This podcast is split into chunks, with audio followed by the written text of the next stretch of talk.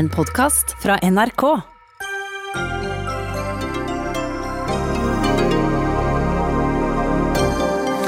«72 000 er rapportert smittet med koronaviruset i Kina, og tallet øker. Flere frykter utbrudd i Europa. Samferdselsdepartementet åpner for å bygge ut smale firefeltsveier, noe Frp jubler for, mens Naturvernforbundet protesterer. Bør offentlige barnehager kunne kreve at barna tar vaksine for å få barnehageplass? Det mener Frp, mens Arbeiderpartiet er negative til bruk av tvang. Oppdrettsfisk kalles biomasse mens den lever. Når den dør, kalles den for svinn. Fisken må behandles bedre, og da må vi begynne å bruke andre ord, mener Veterinærforeningen, som, som møter oppdrettsnæringen til debatt. Og klimaendringer, eller hva det nå er, gjør Holmenkollen uegnet til å huse norsk skisport, skriver Nordlys journalist. Bare litt uheldig vær i år, svarer Skiforeningen.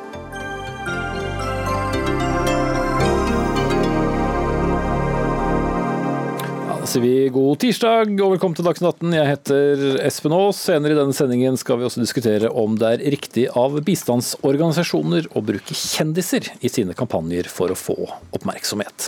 Men vi begynner med det nyhetstemaet som utvilsomt dominerer det internasjonale nyhetsbildet aller mest om dagen, nemlig koronaviruset. Til nå er 72 1000 mennesker rapportert eh, smittet i Kina alene, og det er ingenting som tilsier at dette er toppen. Selv ikke direktøren for Wushang-sykehuset i Wuhan unnslapp viruset.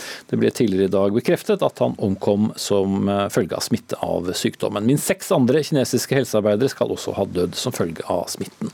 Og Siri Helen Hauge, du overlege ved Folkehelseinstituttet. Mye har jo vært eh, ukjent og uvisst etter hvert som dette utbruddet har skredet frem. Hva vet vi i dag om smittsomheten? Ja, Vi vet jo uh, mer og mer etter hvert som tiden går, som du sier.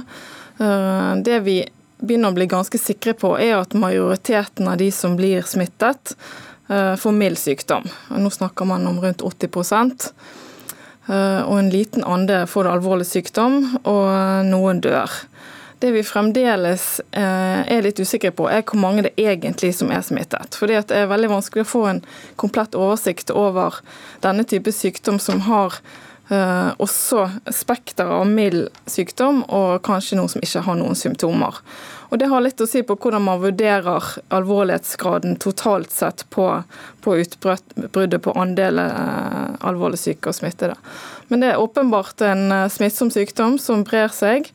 Ehm, og eh, det rapporteres nå om noen ned, nedadgående tall fra Kina, men det skal være litt varsom med å, å fastslå at det er en trend. Vi kan nok fortsatt se en økning når tiltakene i Kina etter hvert slippes opp. Mm. Og vi snakker uansett hele tiden om rapporterte tilfeller. Nemlig. Så vi tror jo at det er flere tilfeller enn det som man har testet og fått uh, registrert.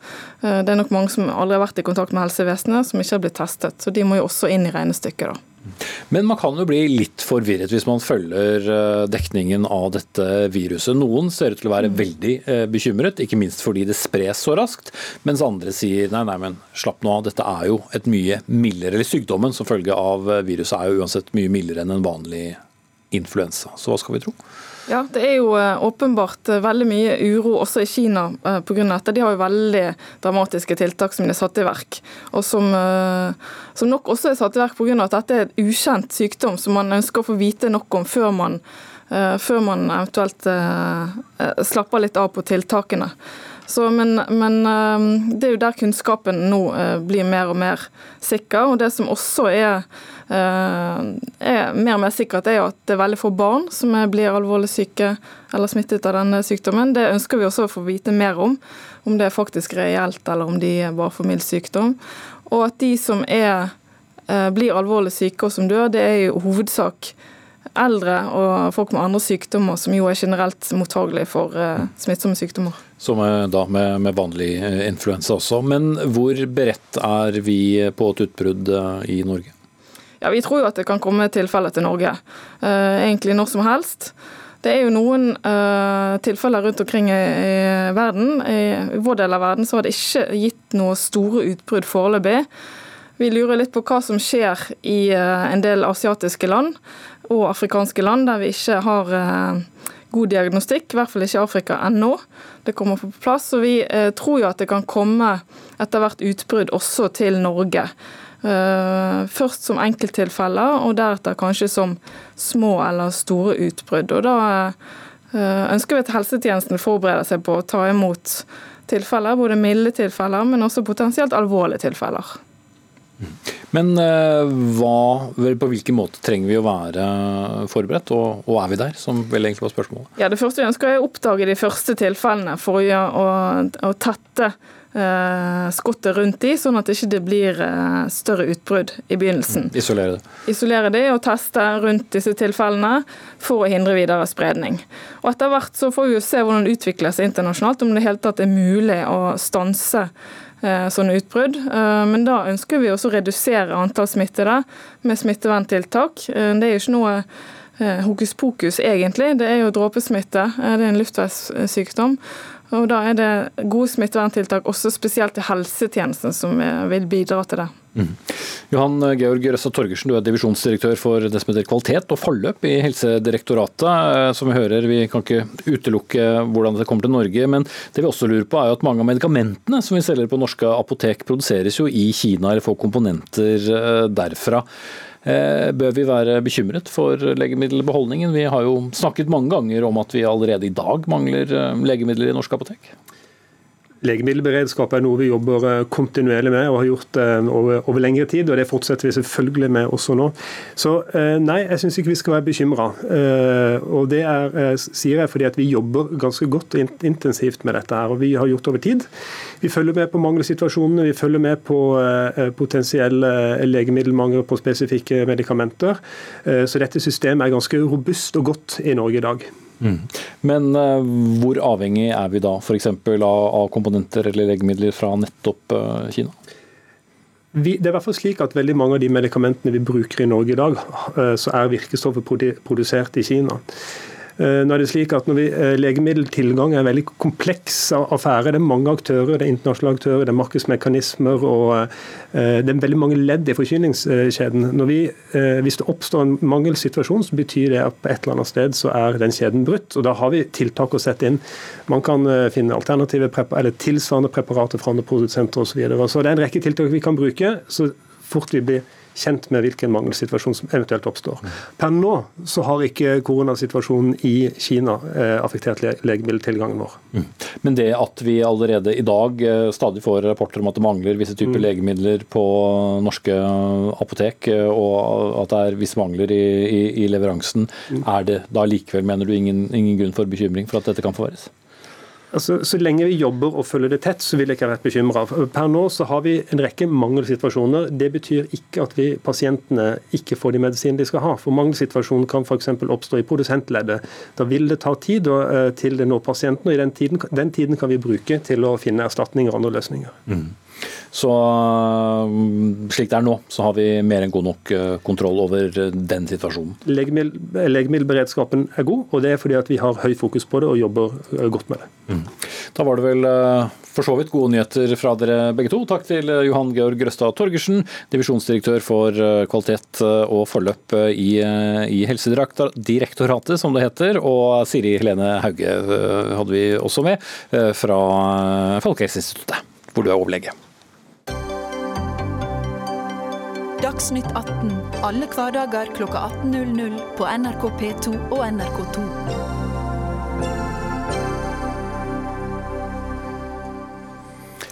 Samferdselsdepartementet har bedt om en ny utredning for eh, økonomiske konsekvenser av utvidede motorveier. Ja, akkurat det. I en artikkel i Dagbladet sier derimot Naturvernforbundet, Trygg Trafikk, Sabima og Norges Bondelag at utbygging av firefelts motorveier ja, det er både miljøskadelig, ulønnsomt og trafikkfarlig. Men Bård Hoksrud, stortingsrepresentant for Fremskrittspartiet, transport- og kommunikasjonskomiteen.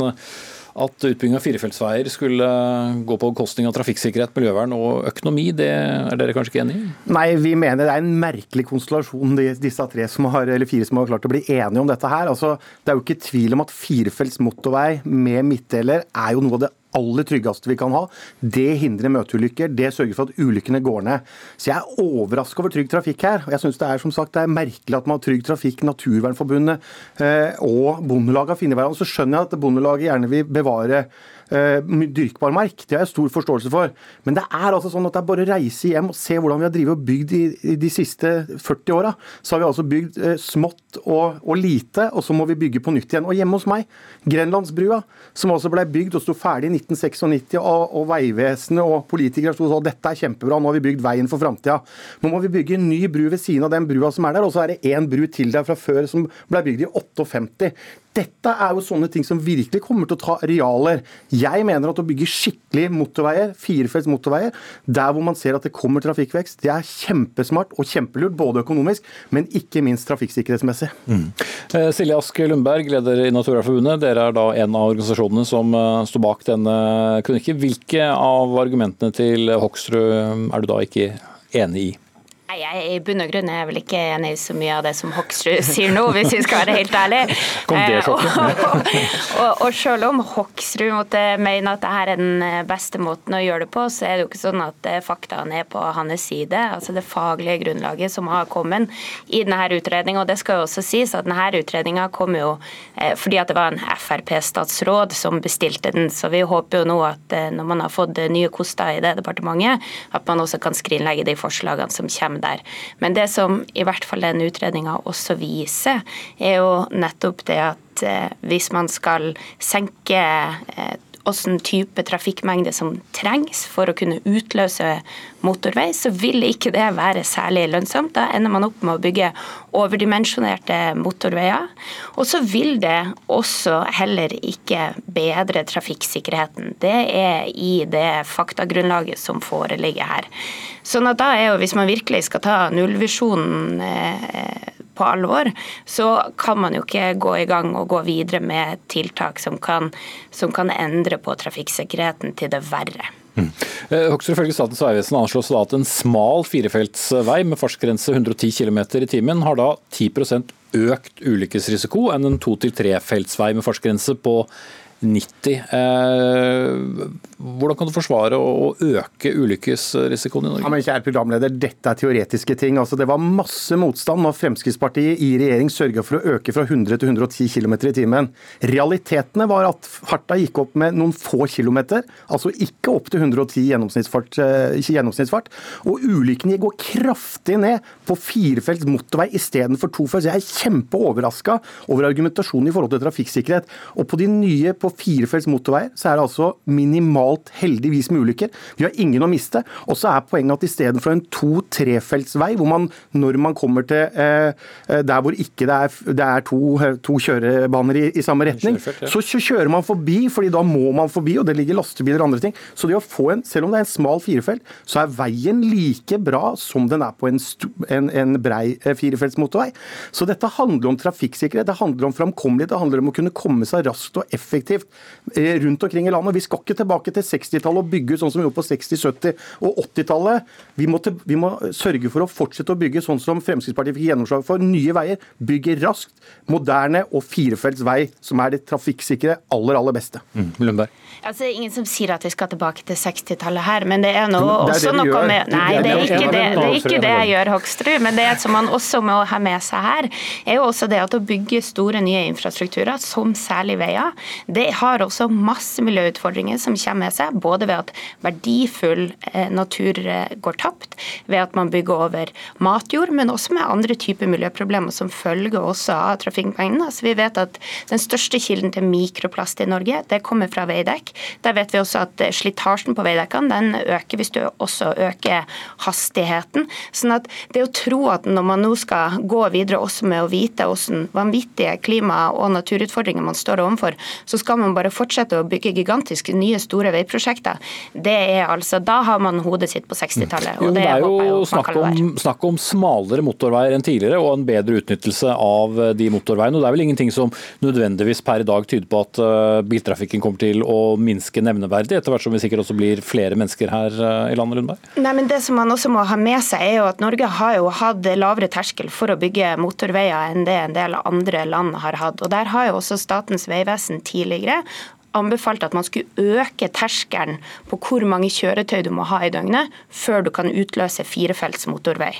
Men det har man jo, da, da den anbefalinga kom fra, fra Statens vegvesen, så var jo ikke det noe engang man ville sende på høring. Tvert imot ba man jo om det motsatte, nemlig at man skulle senke terskelen. Og der er nå fagmyndighetene veldig tydelige på at det anbefaler dem ikke å gjøre. I dag så må du ha flere enn 12 000 kjøretøy i døgnet for å utløse firefelts motorvei. Det ønsker Frp å senke til mellom 6000 og 12 000, men det er den faglige anbefalinga at man fortsatt ikke skal gjøre og Det er i hvert fall jeg er veldig glad for.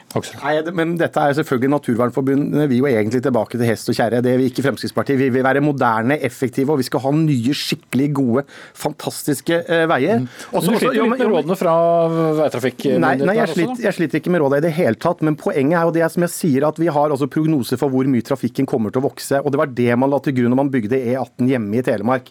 Dessverre altså, så var resultatet at ti år etter at veien var ferdig, så var veien så mye for lite dimensjonert til å møte trafikkveksten. Og det kommer til å være trafikkvekst framover. Men du sier at Frp vet bedre enn Trygg Trafikk? Ja, nei, ja, jeg sier at vi vet bedre at firefelts motorveier, møtefrie veier, er det aller aller viktigste for å redusere ulykkene.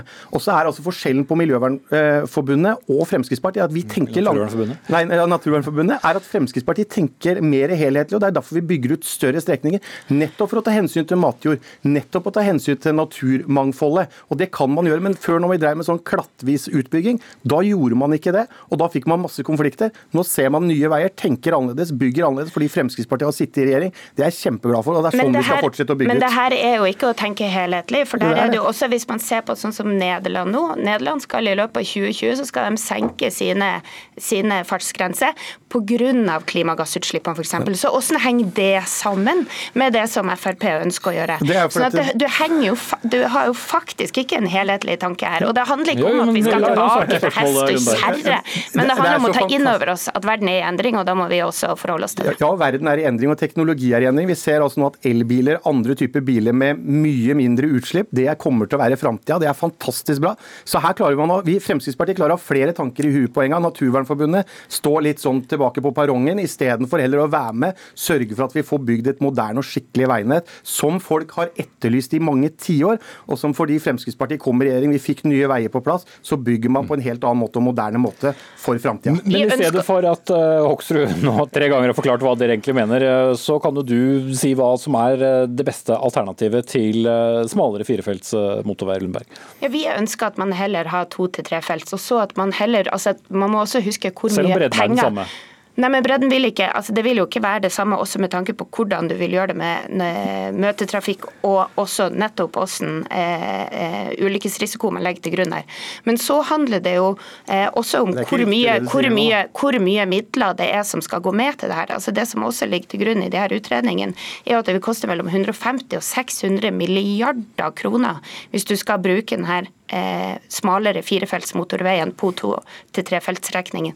Det er vanvittig mye penger, og det er penger som heller kunne ha gått til å sikre dagens veinett. Både med å sørge for at man faktisk har gul midtstripe på alle veier, så man, det har man mange fylkesveier da hvor du ikke har det. På å sikre at man har større trafikksikkerhet. Men det, så man må jo også forstå at det her handler om hvordan pengene skal brukes. Og da Hvis Frp mener at 150-600 milliarder kroner, jeg lurer på hvem som skal ta den kostnaden. Er det staten, eller er det bilister med bompenger? Svar kort på det til slutt, da. Ja, betaler bilistene inn masse, masse penger, i avgifter ja, på bil. Og, da, og Poenget er at dette handler om når vi bygger nye veier, så bygger vi moderne, effektivt. Da bygger vi firefelt. Og smal firefelts betyr altså at man bruker mindre areal, men den er like trygg og sikker som en stor firefelt. Og det er på de veiene hvor ikke trafikken er så høy at vi må ha en skikkelig, vei, skikkelig bredde på, på firefelt felten, Men det er jo her fagmyndighetene er uenig med deg i trafikksikkerheten. Det handler om, og det syns jeg er fantastisk bra. Motorveien, sannheten og livet er sannelig ikke eh, lette saker. Takk til Silje Ask Lundberg fra Naturvernforbundet med oss fra Tromsø, og her i studio, studio Bård Hoksrud fra Fremskrittspartiet.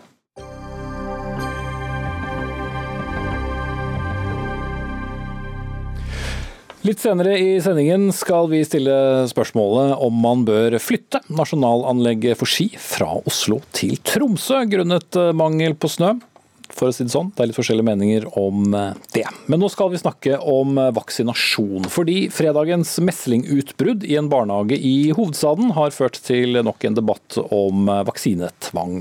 Et barn på under 15 måneder som ennå ikke hadde fått sin vaksine, ble syk, og deretter fikk samtlige andre barn i barnehagen også tilbud om vaksine.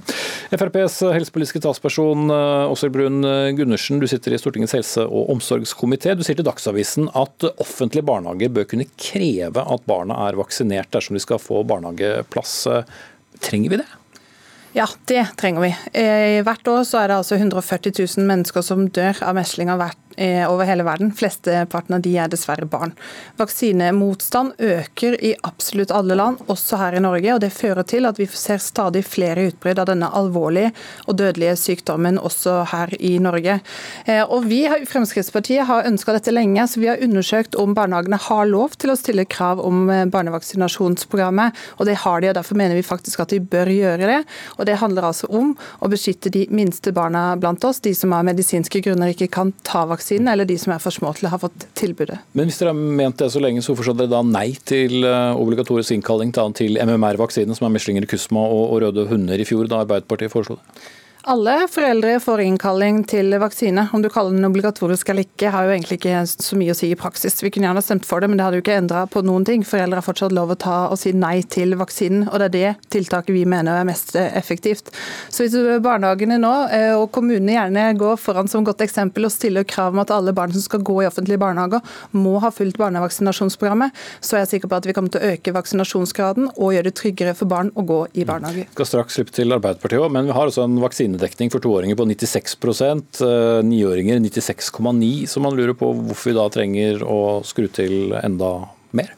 Altså, på landsbasis har vi flokkimmunitet, men hvis du går ned i enkelte bydeler, så er det 15 bydeler i Oslo som ikke har eh, flokkimmunitet. Noen bydeler er nede i under 80% Så hvis det dukker opp ett meslingutbrudd der, så vil det også spre seg ganske raskt. Og Dette er en av de mest smittsomme og dødelige sykdommene vi har på verdensbasis. Og det er viktig for oss å sikre at, eh, at de minste og sårbare barna mot oss er beskytta. Mm. Hva står du til Tuva Moffelag fra Arbeiderpartiet og medlem av samme komité? Ja, nei, Vi er helt enige i at vi må jobbe for å få vaksinasjonsdekninga opp, særlig i de bydelene og kommunene hvor den er lav. og Det var jo nettopp bakgrunnen for at vi fremmet dette forslaget i fjor. Og Jeg reagerer på at Brun Gundersen retter pekefingeren mot Oslo kommune, for det var jo nettopp Oslo kommune som ønsket dette forsøket med obligatorisk innkalling til vaksinasjon. Og med en obligatorisk innkalling så mener vi jo også at det skal være en tettere oppfølging i etterkant dersom familier takker nei til vaksinasjon. At du skal få en oppfølging oppfølgingssamtale, at du skal følges opp med mer informasjon, og at man kan se for seg enkelte sanksjoner ved at man ikke tar vaksinasjon. Om hva da? Nei, Det kan f.eks. være at man eh, sier at disse barna ikke får reise ut til land hvor det er høy smitterisiko, for da risikerer du også å ta det med deg tilbake til eh, Norge. Eh, men det å nekte disse barna barnehageplass Her har vi jo foreldre som har tatt dårlige valg på vegne av ungene sine i utgangspunktet. Å nekte de barna barnehageplass i tillegg, mener vi er å gi de ungene en dobbel straff som de ikke fortjener. Mm, altså De må gjerne gå i barnehage, men når du velger å la være å vaksinere barna dine, så er det kanskje kanskje ikke rett til å velge hvilken barnehage du skal gå i. Og Det handler om at eh, foreldre som har barn som av medisinske grunner ikke kan ta vaksiner, som heller ikke har immunforsvar til å håndtere særlig store infeksjoner, de må også vite at de kan få gå i en trygg barnehage hvor de ikke er utsatt for smitte. Og Det er jo ikke noe i veien for de forslagene Arbeiderpartiet her fremmer å gjøre det lokalt og følge opp familier som velger å si nei til vaksinen. Men du har altså en gyllen mulighet i Oslo og i andre kommuner til å stille krav om at barn skal følge barnevaksinasjonsprogrammet hvis de skal få barnehageplass. Men et praktisk eh, problem da for dette tilfellet så hadde jo ikke barnet rukket å bli vaksinert ennå, fordi man vaksinerer jo ikke før man har nådd 15 måneder. Bl.a. fordi at eh, du vil ikke få den samme effekten hvis du vaksinerer for tidlig. Så med barn som begynner i barnehage alt fra ti måneders eh, alder, hvordan skal du løse det? Ja, Det er jo nettopp disse barna man skal beskytte. Ved at resten av barnehagene er vaksinert, så har man altså en flokkimmunitet som ivaretar de aller minste barna, de som ikke er gamle nok til å ha fått tilbud om vaksine, og de barna som av medisinske grunner ikke kan ta den. Og Derfor er det så viktig at barnehagene nå går foran og setter at man skal ha faktisk et vaksinasjonskrav for å gå i disse barnehagene. Vi kan ikke bestemme det overfor de private barnehagene, men oppfordringen går samtidig til de. Og alle foreldre der ute har lov til å stille spørsmål i sin barnehage om dette er noe man burde innføre i sin barnehage. Hvorfor? Altså, jeg synes jo det er helt underlig hvis man da sier at da får du gå i en uvaksinert barnehage. For å si det sånn, da øker jo bare risikoen. Hele poenget er jo å heve flokkimmuniteten, få alle over de terskelverdiene. Så å si at de som er uvaksinert skal gå i en egen barnehage, det vil jo være kontraproduktivt. Da vil jo risikoen bare øke der. I tillegg så stemte Frp eh, ned vårt forslag om at barnehageansatte skal ha en obligatorisk vaksinasjon. Og det syns jeg jo er veldig underlig. for vi har... Jeg er veldig veldig for det. Og når vi satt men stemte regjering, mot. Ja, men når vi satt i regjering, så startet vi det arbeidet som skal til for å få gjennomført dette. Og Det handler om at alle innbyggerne i Norge er nødt til å opplyse gjennom et nasjonalt register om de har tatt vaksine eller ikke. Dette registeret, når det kommer på plass, så ønsker vi å gi arbeidsgivere tilgang til den informasjonen, sånn at de kan velge det som kriterium når de både ansetter og omplasserer de ansatte. For det å sørge for at de sårbare barna og eldre og andre som er syke med svakt immunforsvar, blir beskytta, det er det aller, aller viktigste. Så det arbeidet er i gang. Men du velger likevel å være strengere enn det myndighetene mener at vi trenger å være, fordi at flokkimmuniteten i Norge er, er fortsatt stor, selv om det i noen bydeler vest i hovedstaden og øst i hovedstaden er da i hvert fall vaksinasjonsgrad på, på under 85, eh, så vidt jeg kunne se. Altså Dette her er ikke noe å trekke på skuldrene fra. Ett meslingutbrudd kan potensielt starte en meslingepidemi i enkelte bydeler i Oslo hvor flokkimmuniteten på ingen måte er ivaretatt. Det er et stort problem som vi bør løfte sammen. Men jeg mener altså... er ikke varsomme nok? Jeg mener altså at vi bør gå lenger, og det har Fremskrittspartiet ment lenge. og Nå setter vi i hvert fall å starte med både kartlegging av vaksinestatus for alle innbyggerne i Norge, gi arbeidsgivere styringsrett å omplassere personer som ikke er vaksinert, og la barnehager få lov å stille dette kravet for eh, opptak i barnehage. Og Det mener jeg er kjempeviktig, fordi kan man beskytte ett barn mot denne veldig smittsomme og dødelige sykdommen, så skal man gjøre det. Men vil det da si at Frp er villig til å bruke tvang? Hvordan skal dette gjennomføres i praksis? Praksis. Vi har jo en helse, helselovgivning som går bort av omfattende bruk av tvang. Hele eh, helsestasjonstjenesten bygger på tillit mellom foreldre, eh, familier og helsestasjonen. Vi vil jo ikke havne i en situasjon hvor folk er redde for at ungene skal bli holdt fast og få en sprøyte i låret. Derfor så ønsker vi at dette skal handle om informasjon, tett oppfølging. Og det er veldig rart at man skal gå til det mest ytterliggående tiltaket når man ikke var villig til å være med. Ja, men dere var jo ikke villige til å være med på det som Arbeiderpartiet foreslo. Ja, men, Hvorfor ikke det? Ja, men Innkalling for de uansett. Dette handler om familienes frihet til å velge en barnehage hvor de vet at barna sine er beskytta i. Og Det mener jeg absolutt er en krav man kan stille, og da sørger man altså for, kan Oslo kommune gjøre allerede nå, stille krav i alle offentlige barnehager om at her, hvis du ønsker å gå i offentlig barnehage, så må det vaksineres. Og det er også for å beskytte innbyggerne våre vi gjør dette. Noen vaksinemotstandere vil være der ute, og vi får sette inn ekstra grep for å informere dem. Vi kommer ikke til å tvinge på dem vaksinen, men vi vil Det kan ikke være kontraproduktivt da, at hvis man plutselig skal pålegge alle å, å vaksinere seg, så vil det kanskje øke motstanden? Altså, Vårt viktigste utgangspunkt her er å beskytte de barna som av medisinske grunner ikke kan ta vaksine, eller de som er for små til å gjøre det. Og andre mennesker som har svakt immunforsvar og ikke tåler dette. Og Min frihet stopper altså der din begynner. Ingen innbyggere i Norge har rett til å smitte andre med potensielt dødelige sykdommer. Da setter vi strek der, og gjentar altså at det er 96% vaksinedekning for toåringer, 96,9 for niåringer og 93,2 for 16-åringer. Og blant en del av de som da ikke har tatt vaksine, så er det også en del da som eh, av helsemessige årsaker ikke kan ta vaksinen, men det er også, som eh, er litt av poenget med denne diskusjonen, en del som har valgt å la være. Takk til Åshild Brun Gundersen fra Fremskrittspartiet og Tuva Moflag fra Arbeiderpartiet.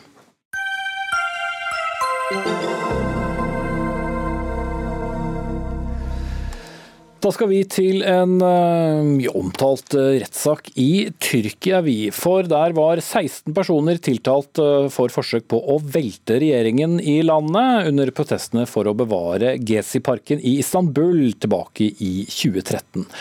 Alle 16 ble i dag frikjent, men kunne risikere hele 3000 år i fengsel dersom de hadde blitt dømt. En av de tiltalte var den kjente forretningsmannen og filantropen Osman Kavala, som satt i fengsel i to år i påvente av denne rettssaken. Dommen falt altså ettermiddag, og Hege Nytt, du er generalsekretær i eh, Norsk Penn, en del av den eh, verdensomspennende skribent- og ytringsfrihetsorganisasjonen. Eh, du var altså i rettssalen da dommen ble lest opp. Hva skjedde i, i salen?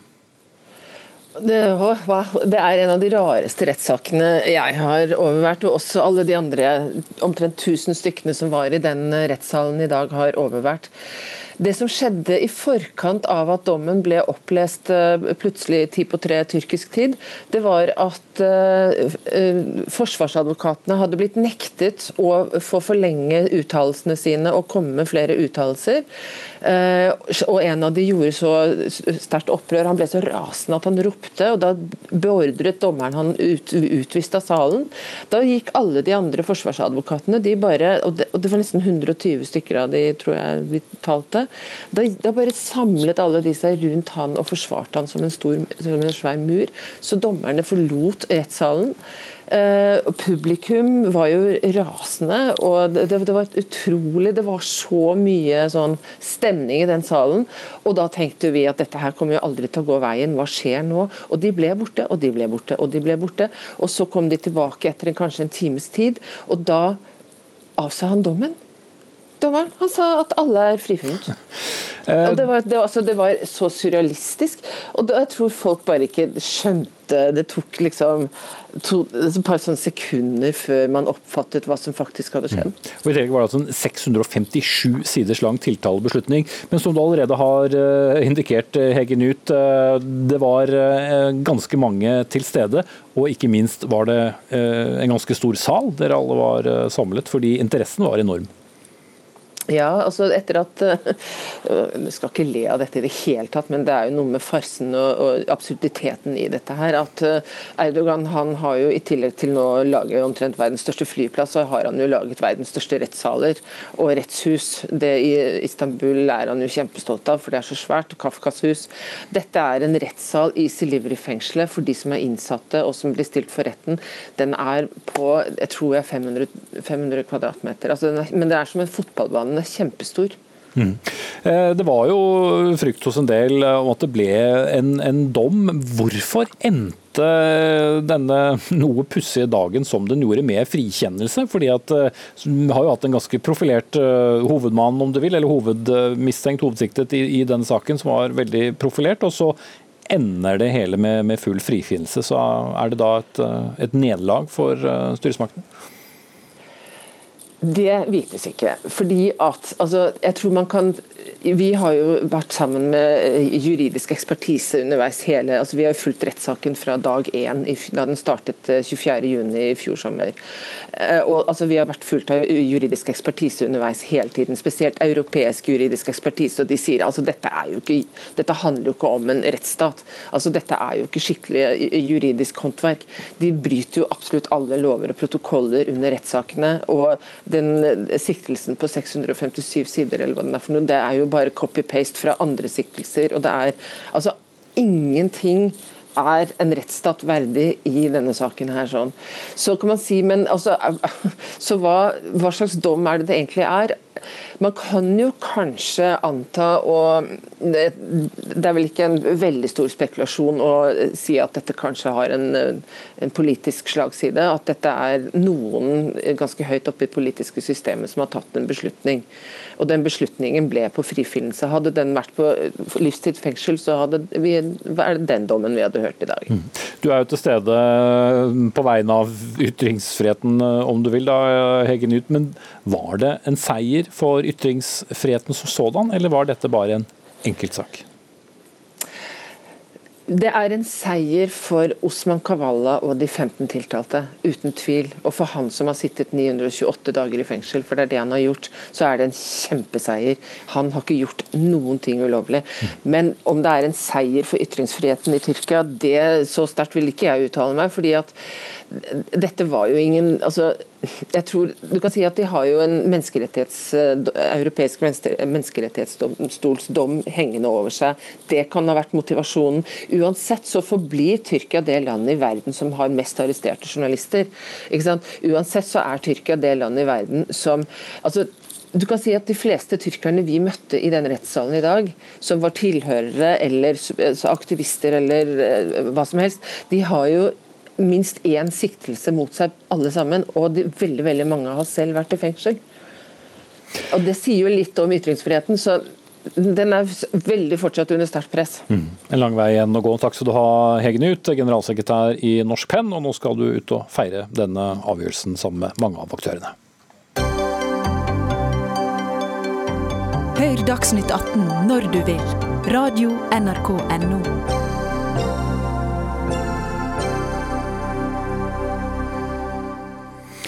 Ja, nå stiller vi et eh, kanskje ømtålig spørsmål. Er det rett og slett eh, for varmt i hovedstaden til at Oslo kan huse landets nasjonalanlegg for skisport? Det kunne iallfall se slik ut forrige helg, da Norgescupen for juniorer ble avholdt på en ganske sparsommelig stripe med kunstsnø opp mot en relativt bar skog. For etter det som vel må kalles en ganske begredelig snøsesong i lavlandet i sørøst, så presser spørsmålet seg på er det liv laga for skisporten nettopp der. Det syns iallfall ikke du, Lars eh, Eidesen, som er sportsjournalist i avisen Nordlys. Og i en kommentar skriver du at eh, Tromsø bør erstatte Holmenkollen som hovedsted eh, for skisporten. Du er ikke rask til å konkludere ut fra en enkelt sesong nå, da? Nei, jeg syns jo egentlig eh, ikke det. det. Vi må stikke fingeren i jorda, gjøre som eh, Greta Thunberg bruker å si, vi må høre på vitenskapen.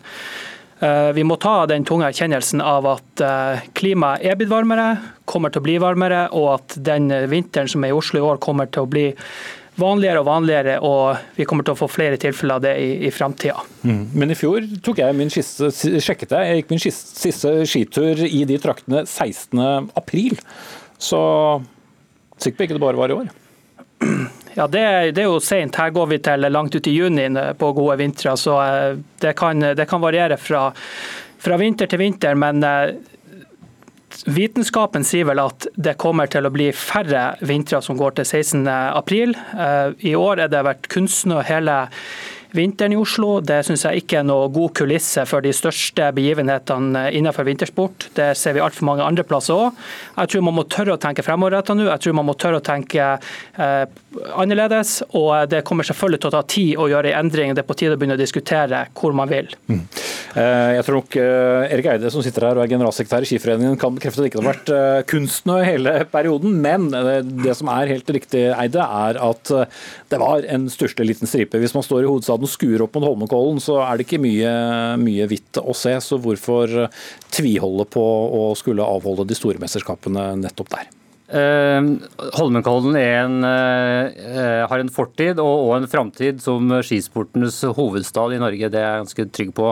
Nå peker Eidesen på temaet som er, gjør skiløperen litt sånn vondbråten. Det er klart Klimaendringene er her, de treffer oss og de gjør vondt. Og så er det sånn at De to siste vintrene for eksempel, i Oslo har jo vært helt praktfulle. Sist vi hadde en vinter som var så dårlig som nå, var rundt 1990. Og så kan det hende, som forskerne sier, at eh, snøfattige vintre, mildere, fuktigere vintre, kan vi få noe hyppigere enn vi har gjort historisk. Men samtidig så er den vinteren vi har her i år, det er ingen scenarioer som peker på at de skal bli så stusslige som den vi har i år. Sånn at eh, det finnes muligheter i Holmenkollen i lang tid. Men likevel, altså, det har vært avholdt eh, noen, noen verdensmesterskap eh, i, i Holmenkollen som, som, folk vil huske som, mm. som store hvite. Men hadde det skjedd i år, så hadde det jo vært fryktelig stusslig å være vertsnasjon. Ja, det er klart det er stusslig. Og, og, det som er, så snakker jeg om kunstene fra Tromsø, og det, det er helt riktig. Det, kunstene har berga de aller fleste skirenn i Stor-Oslo til nå i vinter, takket være en kuldeperiode i november. Så den kunstsnøen som vi laga i fjor, berger ikke bare Holmenkollen, men mange andre skianlegg rundt Oslo. Det er viktig. Det er viktig for rekruttering, det er viktig for, viktig for barn og for de unge. Og Denne uka her så blir det første rennet flytta fra Holmenkollen pga. verdenscupen. Det betyr at Eh, aktiviteten har vært skyhøy. I fjor var det 25 000 startende på skirenn i Holmenkollen. Det var 43 ulike skirenn. Det kommer til å skje igjen. Mm. Eidesen, eh, du fikk vel kanskje argumenter her allerede på at det burde flyttes, eller? Ja, altså, det, det, er veldig stor aktivitet i Oslo og skimiljøet der. Det er fantastisk skimiljø som, som, de skal ha all honnør for, og som blir vanskelig å på en måte gjenskape andre plasser. Den samme dugnadsånden, den samme eh, bredden. Eh, og den skal selvfølgelig ikke dø. Vi har skiidrett mange plasser i Norge. Spørsmålet hvor eh, kanskje de store anleggene og begivenhetene skal være fremover i tid. Jeg syns debatten på en måte kunne man ha tatt tidligere. Her i Tromsø har man en vinterkulisse som man har seks, syv, åtte måneder i året. Det er kvitt på fjelltoppene, det er kvitt i gatene. og eh, det er det er forhold som jeg tror vil vises godt og speile langrennssporten på en flott måte hvis man hadde fått de store begivenhetene eh, mm. arrangert her. Men eh, det er jo ikke bare bare å skulle flytte tusener på atter tusener av eh, tilskuere, og det er vel ikke et tilsvarende anlegg i Tromsø jevnt over som du ville funnet i Holmenkollen, så det ville jo betydd en del investeringer, også ikke minst transportmessig. Altså Transportmessig så kommer jo veldig mange utøvere fra Sverige, Finland, Russland, eh, eh, Baltikum. Går man inn og ser på et kart, så er det faktisk i luftlinje omtrent samme distansen for å fly. Selvfølgelig til nasjonale renn, som jo arrangeres over hele landet den dag i dag, så, så vil det jo være lengre for noen flere. Eh, så det, det, er ingen problem i seg selv, den, den reiseavstanden. Mm, det? Vi kommer til å få til skimuligheter. Og så er det en praktisk side ved det her som andre nasjonalanlegg i Norge vet mye om, og det er driftsøkonomi. Noe så kjedelig som det. Og heldigvis har vi, en, har vi, en, sterk kommune i Oslo som drifter nasjonalanlegget. Det er et budsjett på drift på, i 20-millionersklassen. Spør du på Innlandet etter etterbrukere etter Lillehammer-OL f.eks., så er det å drifte et nasjonalanlegg en ganske tung øvelse. Sånn at det i tillegg til en massiv bruk som vi har i Oslo hele året, sommerstid, topp og bredde. Eh, kombinert med en, eh, med en, eh, mulighet for å ha en stødig drift og god vedlikehold av bygningsmassen, gjør at det her skal vi få til. For å få til alle skirenn, produsert nok snø til alle skirenn i Oslo gjennom en sommer, en, unnskyld, en vinter. Sommer, kanskje. I Holmenkollen gjennom en vinter så trenger du åtte døgn med snøproduksjon. Det kommer, åtte døgn med kuldegrader, det håper jeg virkelig vi skal ha i mange år i Oslo framover. Men det er fristende for å spørre, Skal man basere vintersesongene i Oslo på kunstsnø, er det det du sier her? Nei, det, det vi gjør i Skiforeningen er at vi sier at vi lager kunstsnø for å sikre våre barneskiskoler. Det prioriterer vi. Det er 9000 barn på skiskole hver vinter. Da bruker vi kunstnere for å garantere det tilbudet. Det samme gjør han på de stadionanleggene i Oslo. Så det er ikke et, eh, det er ikke et utelukkende med kunstnere, men det, det sikrer at vi har et tilbud. Og så skal vi kose oss og glede oss de gangene det skal snø og være tunge graner eh, i marka mm. ellers. Vil det være et prestisjenederlag om nasjonalanlegget ikke lenger lå i hovedstaden, men ble flyttet til Lillehammer, Trondheim eller Tromsø? Ja, definitivt. Mm -hmm. Kanskje ikke helt synes, enig i det fra Tromsø? Nei, altså jeg mener jo at uh, Når man først skal uh, flytte, og jeg tror at 20 år fram i tid kan det meget vel være en parodi å se, altså, å se for seg et nasjonalanlegg i Oslo hvis en del av de sterke klimaspådommene slår til. Altså Hvis fisken hadde flytta seg langs kysten, så hadde fiskerne òg flytta seg. Det er logisk. Man flytter forsvarsinstitusjoner, man flytter ting når, når ting, når ting tilsier det. Så, eh, og Da mener jeg at da må man gå og se til Tromsø. Trondheim har et flott anlegg, de må kanskje se inn mot Meråker, der er det ikke en by. Lillehammer er en betydelig mindre by enn Tromsø. Tromsø har sterk infrastruktur, mange overnattingsplasser. Skal man bygge et nytt anlegg i Norge, satse strategisk gjøre et stort grep for vintersporten, så må man snu på kartet. Man må flytte anlegget lengst sør i det eh, på en måte mest bynære, varmeste området. Man må komme seg lengst nord. Mm.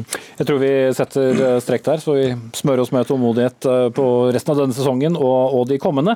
Og så får vi prøve å tenke på hva i all verden skulle kalt Kollenbrølet, hvis vi hadde flyttet skisportanlegget. Takk til Erik Eide, generalsekretær i Skiforeningen, med oss her i studio. og Lars Lars Eidesen, sportsjournalist i avisen Nordlys.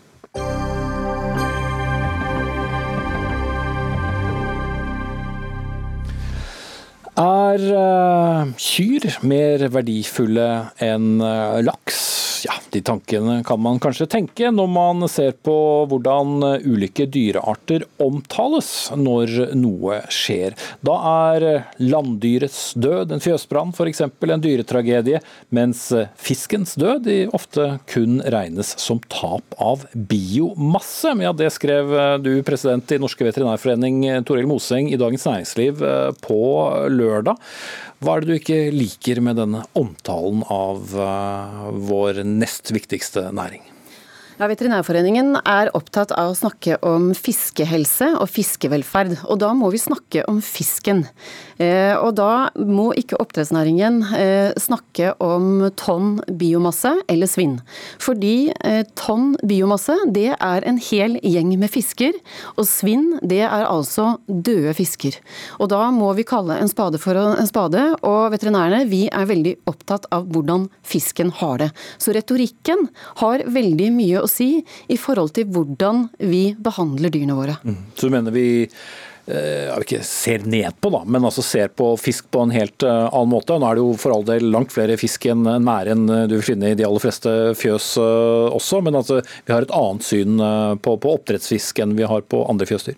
Dyrevelferdsloven er jo klinkende klar at eh, alle dyr har egenverdi, og også fisk. Slik at individet fisken har like mye verdi som seg selv, som individ, som f.eks. en ku. Og jeg tror ikke at vi kanskje alle tenker gjennom akkurat det at fisk føler samme type smerte som oss, blir stresset osv. Og så er det en annen ting som er viktig, det er at en ku eller en hund den uttrykker smerte på en måte som vi forstår. Eh, og det er ikke alltid så lett med dyr som lever under vann, og som kanskje ikke har samme språk å uttrykke smerte på. Mhm. Robert Eriksson, direktør i Sjømatbedriftene, en næringsorganisasjon for 120 medlemsbedrifter. Hvorfor kaller man egentlig fisk for biomasse? For det første så er jeg veldig glad for at Toril tar opp denne, denne debatten. Jeg tror nok det er noe som har, og, og Grunnen til at man, man, kaller det det man kaller det, er nok eh, litt tilbake i tid.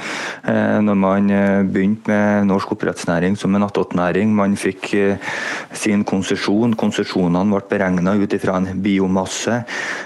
Og så har nok det begrepet blitt med oss og blitt implementert i, i lover opp gjennom tida, og, og, og så har det, har det blitt sånn.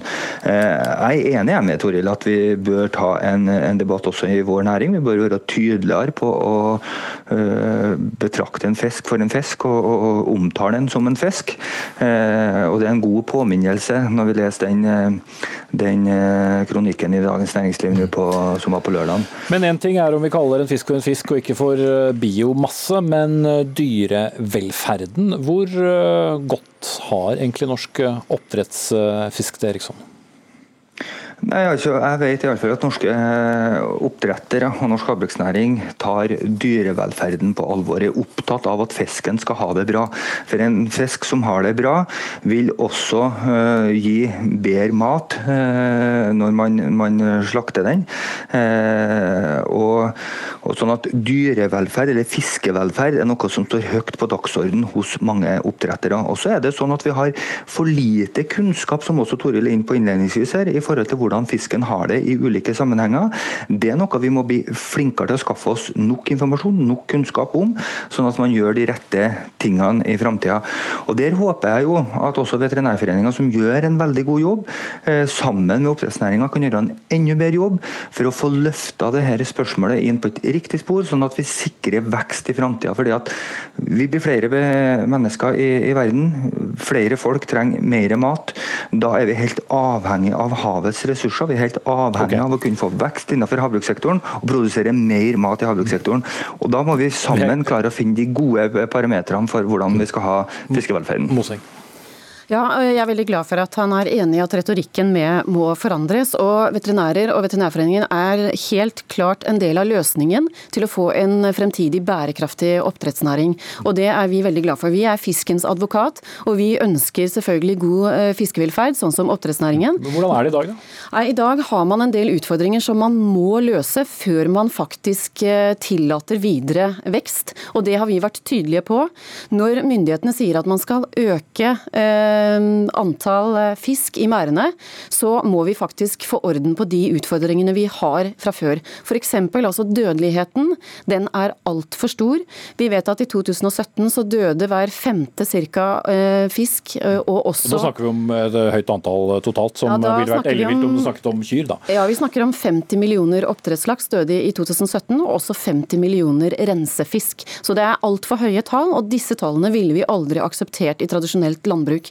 Men vi ønsker, sammen med oppdrettsnæringen, men også myndighetene, de er nødt til å være med på denne diskusjonen og se at vi får en tillitsvekkende og en bærekraftig oppdrettsnæring fremover. Men da må vi altså snakke om fisken og fiskevelferd og fiskehelse. Hvordan kan dere få ned dødeligheten, Eriksson?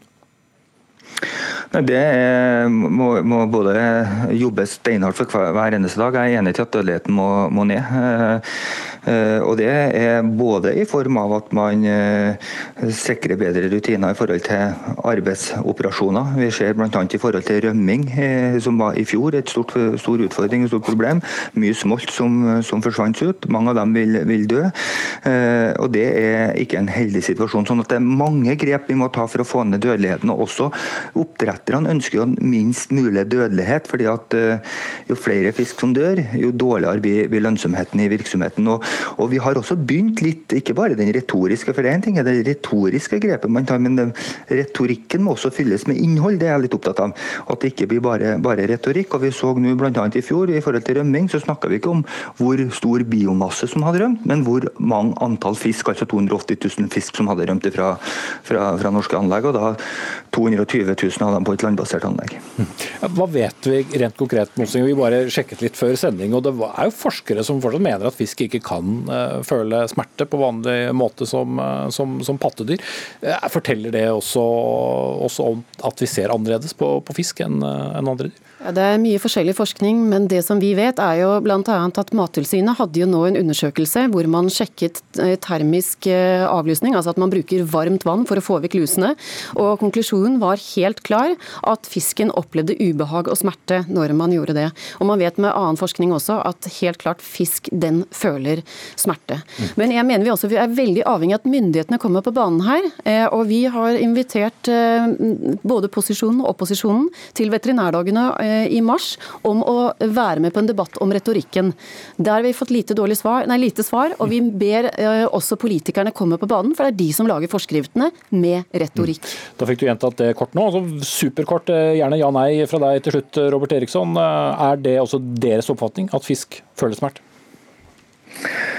Ja, Fisk føles hardt, men vi vet for lite i dag. og I forhold til det som Måsøyde tar opp på slutten her, i forhold til Mattilsynet og termisk avløsning, så vet man altfor lite eh, og har for lite kunnskap rundt det. og Det dekker også den, den rapporten eh, tar, tar inn over seg. det. Og, okay. og Her må det forskes mer, og vi må få bedre kunnskap. Da setter jeg strek der. Takk til Torli Moseng, eh, president i Den norske veterinærforening, og Robert Eriksson, administrerende direktør i Sjømatbedriftene.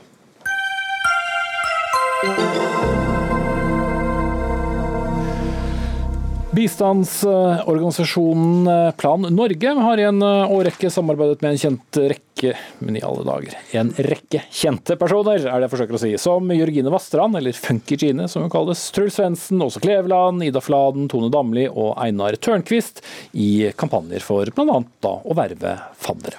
Nå reagerer Grønn Ungdom i Oslo, som mener Plan Norge bedriver det de kaller for fattigdomsporno, og at kjente personer poster bilder av barn som om de nærmest var søte dyr i en barnehage. Plan Norge sier de er avhengig av mennesker som når frem til de mange, for deretter å kunne samle inn penger effektivt. Nora Selner, leder av Oslo Grønn Ungdom, du skriver dette i Aftenposten, men eh, fattigdomsporno, hva er det egentlig? Ja, Først vil jeg gjerne si at jeg tror at Plan gjør veldig mye bra arbeid, og at de ikke har vonde intensjoner med denne kampanjen. Så fattigdomsporno det er et begrep som blir brukt for å kritisere framstillinga av fattige, først og fremst, som man oppfatter at er ensidig, objektiviserende eller rett og slett feilaktig.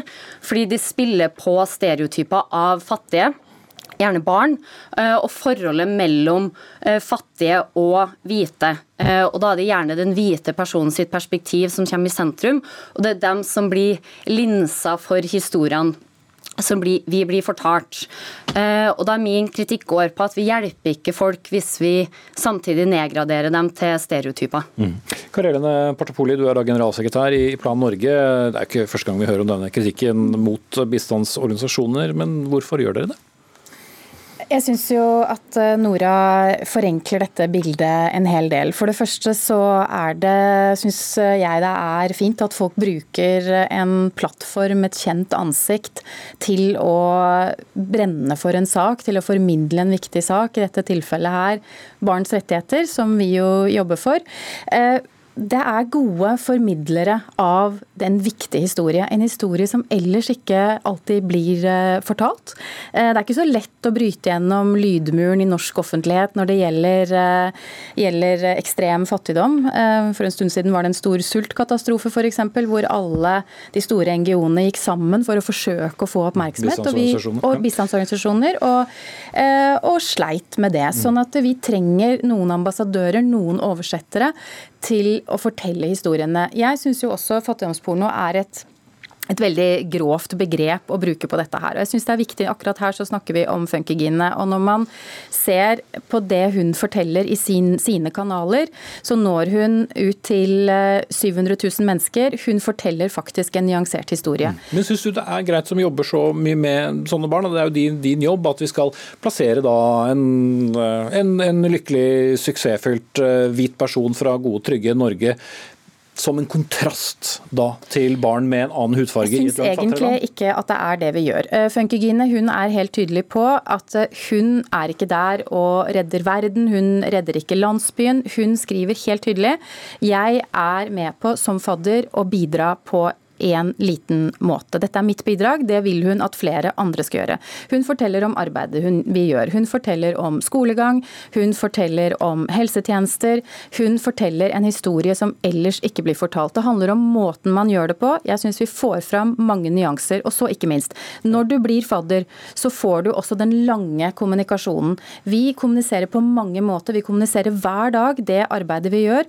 Både Jo da, men det er jo bak de kampanjene jo, nei, som selv er, er men det, der får vi også fram eh, historiene. Vi får mm. fortalt flere ting. Hvis man ser på bloggen til Funkygine, så ser man at hun forteller også den lange historien okay. om den landsbyen hun er i. Ja, eh, Først det er stereotyper som er forenklinga, ikke denne type kritikk som har blitt fremma helt siden 80-tallet. Og så Fattigdomsporno er ikke problematisk bare fordi den portretterer hvite kjendiser som en slags hvit ridder som tror at de skal redde hele verden, selv om det absolutt er eh, folk som tror det. Men det er også fordi at vi eh, Det er en trend i Vesten med at vi bare skal forklare andre personer sine liv og opplevelser gjennom oss sjøl. Og Det er problematisk, for som du selv skriver i ditt innlegg, folk er ikke stereotyper, de har sine egne liv. Mm. Og det jeg forventer at Plan skal gjøre, som en så stor bistandsaktør som dere tross alt er, er at dere må bryte med sånne enkle virk virkemidler, selv om jeg forstår at det er veldig vanskelig å la folk få være stemmen i sine egne historier. Og det her er jo noe dere selv gjør på nettsidene deres. For dere er kjempeflinke til å vise frem lokale aktører som jobber i prosjektene deres. Og det er også noe som andre organisasjoner er flinke til, som Operasjon Dagsverk, SIH spesielt, eh, og Leger uten grenser, så jeg synes den argumentasjonen om at målet hellige middelet blir litt for svak. Fordi vi vet at framstillinga av folk det får reelle konsekvenser når de er forenklet. Men ville det blitt mindre, færre fadder og mindre penger uh, hvis Nei, altså, dere ikke hadde benyttet disse virkemidlene? Det er like, veldig viktig. Vi jobber med uh, kjente mennesker som vi deler verdigrunnlag med, som brenner for det samme som oss. Nummer én, de forteller en viktig historie som ellers ikke ville blitt fortalt. Og det er også, med på, dere, og det er også med på å uh, Funkygine hun besøker sin, sitt fadderbarn. Hun har vært fadder fra 2016. Det ble hun, det ble hun helt uten at vi, uh, vi påvirka av det. Jeg syns også du forenkler eh, den tilgjengeliggjøringen som mange av disse gode ambassadørene gjør. De gjør denne historien tilgjengelig. Eh, det er også en måte å kommunisere bistandsresultater eh, på. Og så er det viktig. Det er viktig å skille og sette ting i kontekst. Det er viktig å skille mellom posering og posører, som du riktignok kritiserer, og å reise sammen med en etablert organisasjon som Plan. Vår store hovedstyrke er at vi er har så sterk lokal tilstedeværelse som vi er. Vi er i 55 000 lokalsamfunn.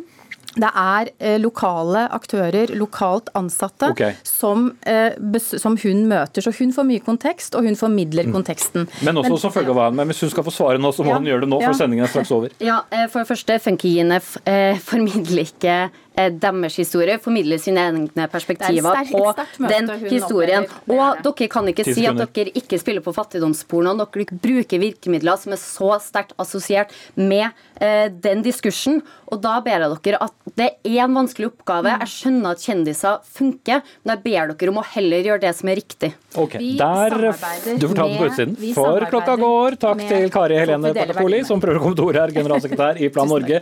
Nora Selnes, leder av Oslo Grønn Ungdom. Sendingen er også ved veis ende, hvis dere lurer på hva all denne bablingen opp på slutten handlet om. Eh, ansvarlig for den eh, var Dag Dørum. Erik Sandbråten tok seg av det tekniske. Jeg heter Espen Aas. I morgen er Sigrid Elise Solund på plass i denne stol.